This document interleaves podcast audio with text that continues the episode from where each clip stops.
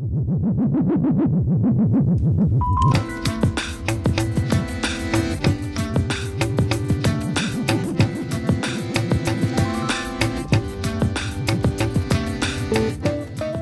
tempo da conversa contamos nos nosos estudos con Montserrat Camiña, que traballa na área de valorización, transferencia e emprendemento da Universidade de Santiago.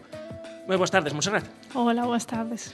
O programa desta tarde imos dedicalo á propiedade intelectual, ou seja, que aqueles que teñan cousa por saber como é o mundo do emprendemento, pois que estean moi atentos. E empezamos co primeiro máis básico, que é unha patente. Pois a unha patente é un título que se nos concede desde o Estado e que a cambio o que nos ofrece o Estado é que a cambio de facer público o contido da patente nos dá uns dereitos de explotación que son exclusivos, que son por un tempo determinado, que en España son 20 anos e que é territorial. É dicir, as oficinas de, de propiedade industrial teñen competencia territorial e as patentes concédense no caso da Oficina Española de Patentes e Marcas para España.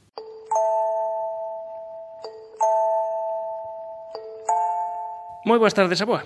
Hola, boas tardes, Manuel. Pois vou facer a pregunta do millón. Por que teñen tan mala zona? Son secretas, eh? hai, hai, hai todo un mundo. Espionaxe de guerras, de... Ah, Pois a verdade é que o que serve a patente para darlle un monopolio a, a institución, empresa ou institución pública que a ten o que nos permite, o que di a lei, é que nos permite evitar que terceiras partes exploten os resultados o que eh, significa o mesmo que nos permite decir quen pode usar os resultados e como pode, como pode utilizarlos. As patentes eh, empezaron a existir fai alá por 1800 e pico, porque eh, se creaban feidas para que os inventores foran, foran expoñer os seus eh, inventos, uh -huh. e eh, os inventores non iban porque non había nada que os protexera. Eh, entón, eles non querían contar o que tiñan porque podía copiálos calquera. E foi a raíz de ese, ese problema que os estados se, se deron conta de que se non facían algunha cousa por protexer esos resultados, ninguén contaba o que tiña e, por tanto, non evolucionaba a ciencia, non se coñecía eh, o que tiñamos. Eh, a partir en, de... Entón, esas patentes non se crearon para agochar, senón creáronse para... Para, para ensinar. Para mostrar, que, que é paradóxico e todo. Exacto, que, o que se, como decía ao principio, o que facemos, eh, eh, o que fai o Estado é darnos uns privilexos a cambio de facelo público e de que a ciencia avance con eses coñecementos. Para proteser, ti eh, proteses no sitio onde resistras. Exacto, o que as oficinas de patentes teñen unha competencia territorial. Entón, eh, o que existen son convenios a nivel internacional para que eh, a túa solicitude que se presenta nunha data concreta sexa respetada durante un tempo.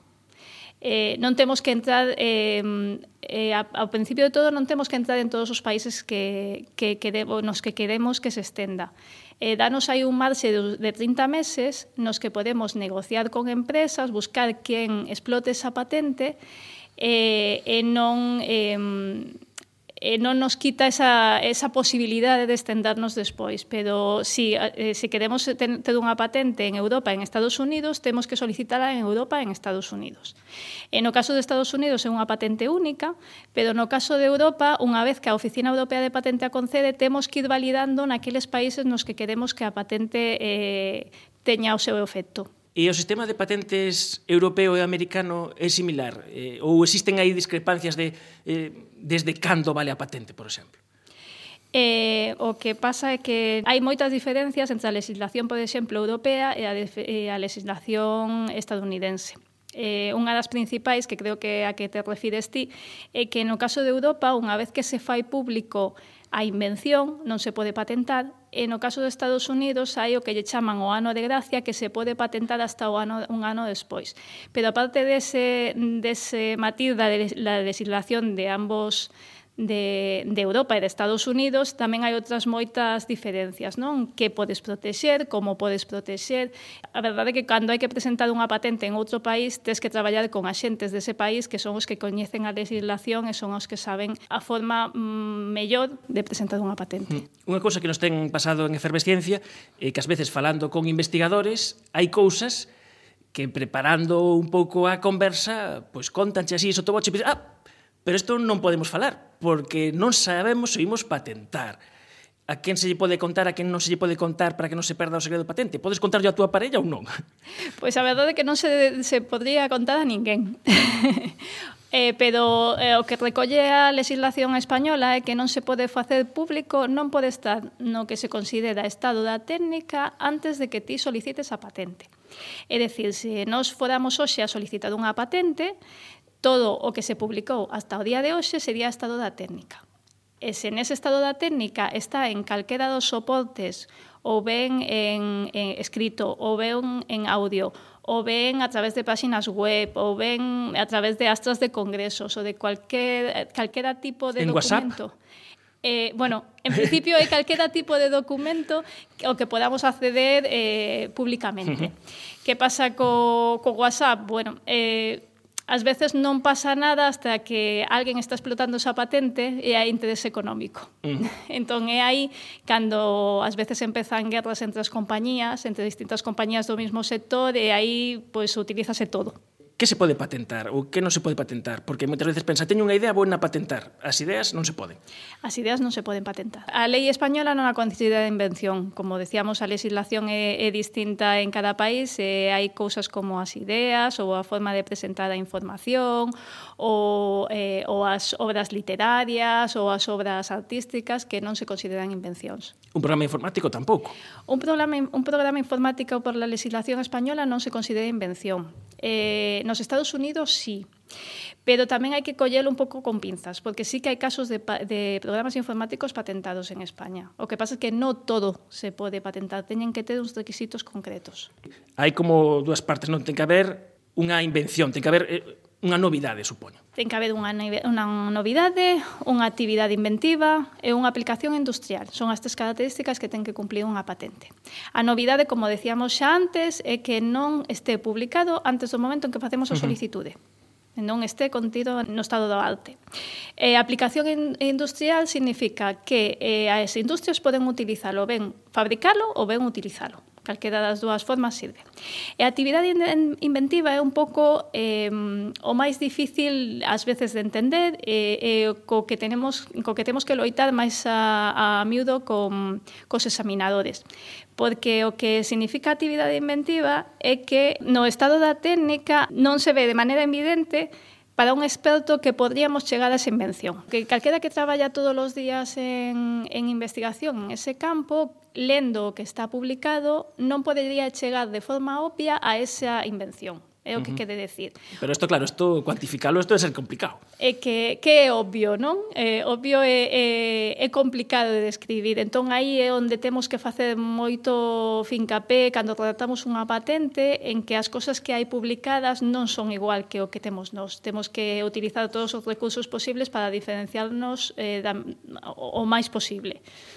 Eh, hai, por exemplo, un caso eh, moi recente de guerra de patentes que comentamos aquí en Efervesciencia, que o caso eh, do CRISPR, que repasamos para que non se lembre que é esta técnica de edición na que se poden eh, modificar no senoma letra a letra eh, dunha forma que ata agora non se podía facer e eh, que é bo, bonito barato, quer dicir que faise eh, dun xeito eh, moi preciso, moi sinxelo, moi barato e que está chamado a revolucionar todo que na xénese Eh, está o español Francis Mójica, con quen falamos en Efervesciencia, pois hai un par de anos, e resulta que comentábamos que había aí unha batalla entre grandes institucións, entre a Universidade de California por un lado, con Douna e con Carpenter, as dúas eh, premio Príncipe de Asturias, e por outro lado, Fensan no MIT, como vai esa batalla?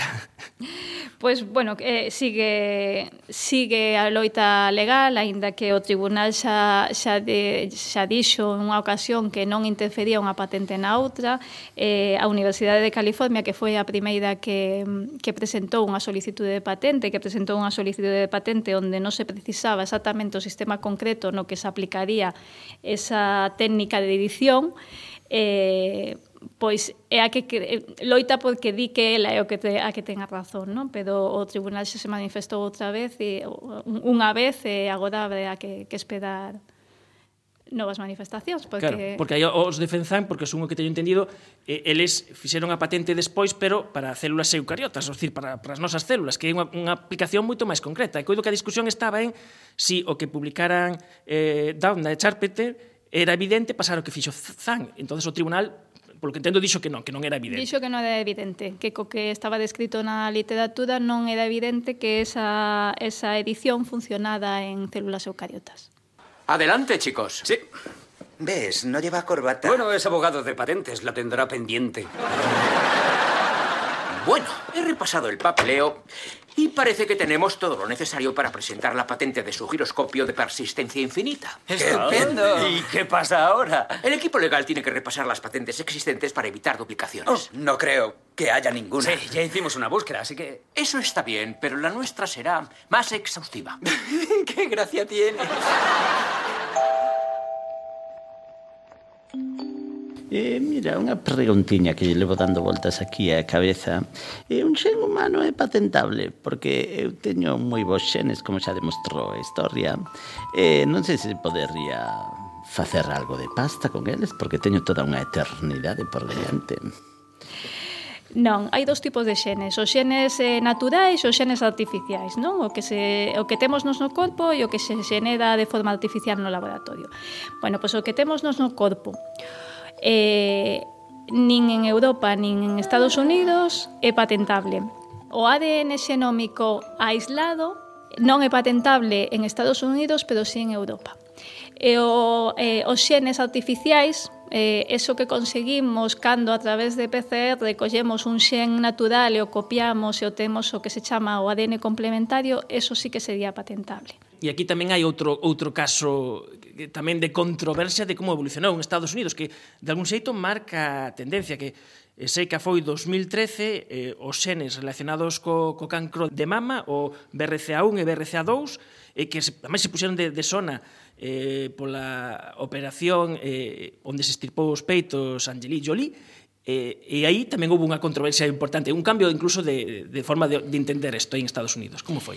Pois si, sí, era por alá, se non recordo mal, por 2004, que, que Midiat, eh, que é unha empresa estadounidense, foi a primeira en secuenciar estes dos xens dos que falabas ti, o BRCA1 e o BRCA2. Entón, o que fixo eh, é eh, protexer ese xen, de tal forma que eh, na patente se impedía aislar e detectar o xen Eso supo, su, supuxo que os investigadores non pudera facer nada con ese xen, porque era, con, era propiedade da, da, da empresa. Es que parece, claro, moi, moi forte, non? Dicir que, que un xen eh, que pode indicar unha predisposición a ter unha doenza uh -huh. que, que pertencer a unha empresa e que esa empresa decide que o faz o test comigo ou non o faz con ninguén.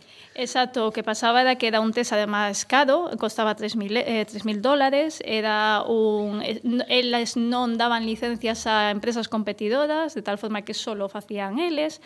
Entón, eso que fixo foi que distintas institucións e entidades eh, empezaran unha batalla legal, primeiro buscando eh, buscando as cosquillas a patente, porque despois se viu que, eh, que alguna das características da actividade inventiva eh, e eh, novidade e aplicación industrial non se cumplían, pero ademais eh, luitando contra un problema bioético que era que, que a xente tiña que poder diagnosticarse desa enfermidade e que os investigadores tenían que, tiñan que, por, que poder eh, seguir investigando nese, nese xens para que a ciencia evolucionara. E o que dou lugar é a que a, a patente se anulara e ademais da anulación, eh, bueno, pois eh, sentou xurisprudencia e eh, tanto en Estados Unidos como en Europa se cambiou a legislación eh, para que o ADN eh, humano non se poida patentar ni, ente, ni completo ni ninguna das súas das súas partes. O que podía patentar sin ningún problema sería ese test. Sí, o que se podía patentar é o test diagnóstico. E outro caso é Que acontece, eh, por exemplo, cando falamos de, de biotecnoloxía vegetal, podese patentar unha variedade de millo, ten que ser transxénica, como está isto? E as, as plantas modificadas xenéticamente podense patentar. Sí, cando ti modificas unha planta, ou ben, por exemplo, para que soporte mellor as plagas, ou ben para que dé máis produto, eso podese patentar eh, na legislación eh, española sin ningún tipo de, de problema. E Que acontece eh, no caso dos, dos, dos animais? Os, os animais eh, é o mesmo ou hai xa hai máis prevencións? Aí xa existe unha maior prevención. Eh, o que di a legislación é que se pode patentar un animal transxénico sempre que supoña un beneficio para a saúde humana. É dicir, se nos eh, patentamos un modelo de ratón que sufre, por exemplo, un tipo de cáncer, eso se utiliza para a investigación en cáncer, se pode patentar, pero se o que facemos é crear un ratón que o, o, mm, o que produ, o que ten é que perde pelo e o que queremos probar é un tratamento contra a calvicie, eso non se pode patentar, porque ese segundo caso sería un caso eh, cosmético e eh, enténdese que non é, eh, supón un beneficio para a saúde humana. Este caso xa pasou tal cual, eh, como contas. Ese caso xa pasou, sí, sí. Temos o, o ratón eh, Harvard, que foi o caso de o ratón que tiña un oncogen incluído que desarrolla cancros, eh, o caso Upjohn, que é o caso do ratón que eh, tiña unha pérdida de, de pelo eh, o que quería eh, a xente que o quería patentar o quería protexer para probar eh, produtos cosméticos. Mira, que eu sigo lle dando voltas ao tema da pasta. E, e, e, como se reparte o diñeiro das, das, das licencias, das patentes? Entre os investigadores, as institucións, entre, non sei, os bedeles, eh, para que non se chiven... Eh. Pois eso non está regulado en xeral. O que di a lei é que cando os resultados saen de unha universidade eh, non obliga a que se lle, a que os inventores eh, reciban parte desa royalties, pero si sí o aconsella. Entón, por exemplo, no caso da Universidade de Santiago, que é o que, o que mellor coñezo, eh, os eh, royalties que se reciben repártense entre a institución, os, os inventores ou investigadores e o grupo de investigación. A maior parte vai para, para os inventores e para o grupo de investigación e a universidade quedase con unha parte moi pequena, o que se quede fomentar que se protexan os resultados e, e que ese retorno eh, que ven como consecuencia dese coñecemento que se daron os investigadores se eh, se volva a invertir en investigación, eh, bueno, pues que os grupos podan crecer, que pode haber cada vez máis investigadores. Eh. Mira, eh, meu neto Albertiño, eh, cando era novo, estivo traballando na oficina de patentes de Berna. Xa, sabedes, non? O posto conseguiu no grazas ao pai dun amigo seu, Grossman. E o caso é que ali Albertiño tivo tempo e tempo para pensar sen que ninguén lle molestase e así en 1905 poide escribir ata cinco artigos científicos que cambiaron o mundo. Eh, non, no digo porque eu sexa a súa boa, non? En isto ten razón, sí. Uh -huh. eh, eh, tin isto tes algo de, en común con Einstein, porque ademais de traballar na oficina de valoración da USC, estiveches a realizar a túa tese de doutoramento non en Berna, senón en Varna, eh, eh, que liches o ano pasado precisamente. Como fixeches? A ver, tes patentado algún sistema de teletransporte cuántico e non lle dixeches a ninguén? Pois non, a miña tese foi en xenética, en xenética da esclerose múltiple e, e non patentamos nada porque os resultados que obtivemos non, non se podían patentar, non? E xa se fixeran públicos eh, previamente en outros estudios, o que, o que se fixo é levar, eh, eh, volver a analizar eh, xens que se que se asociaban a enfermidade e que se habían estudiado en grupos moi pequenos de persoas, entón o que fixemos foi facer un estudio máis grande e ver se realmente esa asociación seguía existindo eh, cando a N crecía ou se non existía. Eh, e a verdade é que tiven bons resultados, pero a posibilidade de patentarlo non, non existiu. Uh -huh. E como estamos eh, na investigación contra a esclerose múltiple, eh, vamos avanzando no coñecemento da, da, da doenza, que son doenzas desmilinizantes, eh, que perdemos as neuronas motoras sabemos os fundamentos da, de, desta clase de doenzas?